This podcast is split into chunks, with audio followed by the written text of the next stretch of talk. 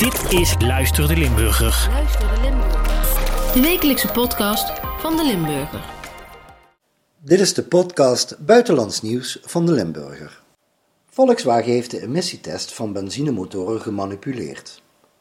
Ook Audi en Porsche hebben zich daaraan schuldig gemaakt. Getuigen hebben dat gezegd tegen de openbare aanklager in München, bericht de Duitse krant Bild am Sonntag, dat de rapporten van de aanklager inzag. Enkele jaren geleden kwam al uit dat Volkswagen met dieselmotor een speciale stand hadden, waardoor ze tijdens test minder schadelijke stoffen uitstoten dan tijdens normaal gebruik. Dat kostte het Duitse merk al miljarden euro's aan schikkingen en terugroepacties. In Duitsland loopt al geruime tijd een onderzoek naar Volkswagen. Een woordvoerder van Volkswagen gaf aan geen commentaar te kunnen geven op een lopend onderzoek. Een vliegtuig van maatschappij Emirates is woensdagmiddag geland op de luchthaven JFK in New York, omdat zo'n 100 passagiers zich tegelijkertijd ziek begonnen te voelen. Het toestel is in quarantaine geplaatst op een afgesloten plaats.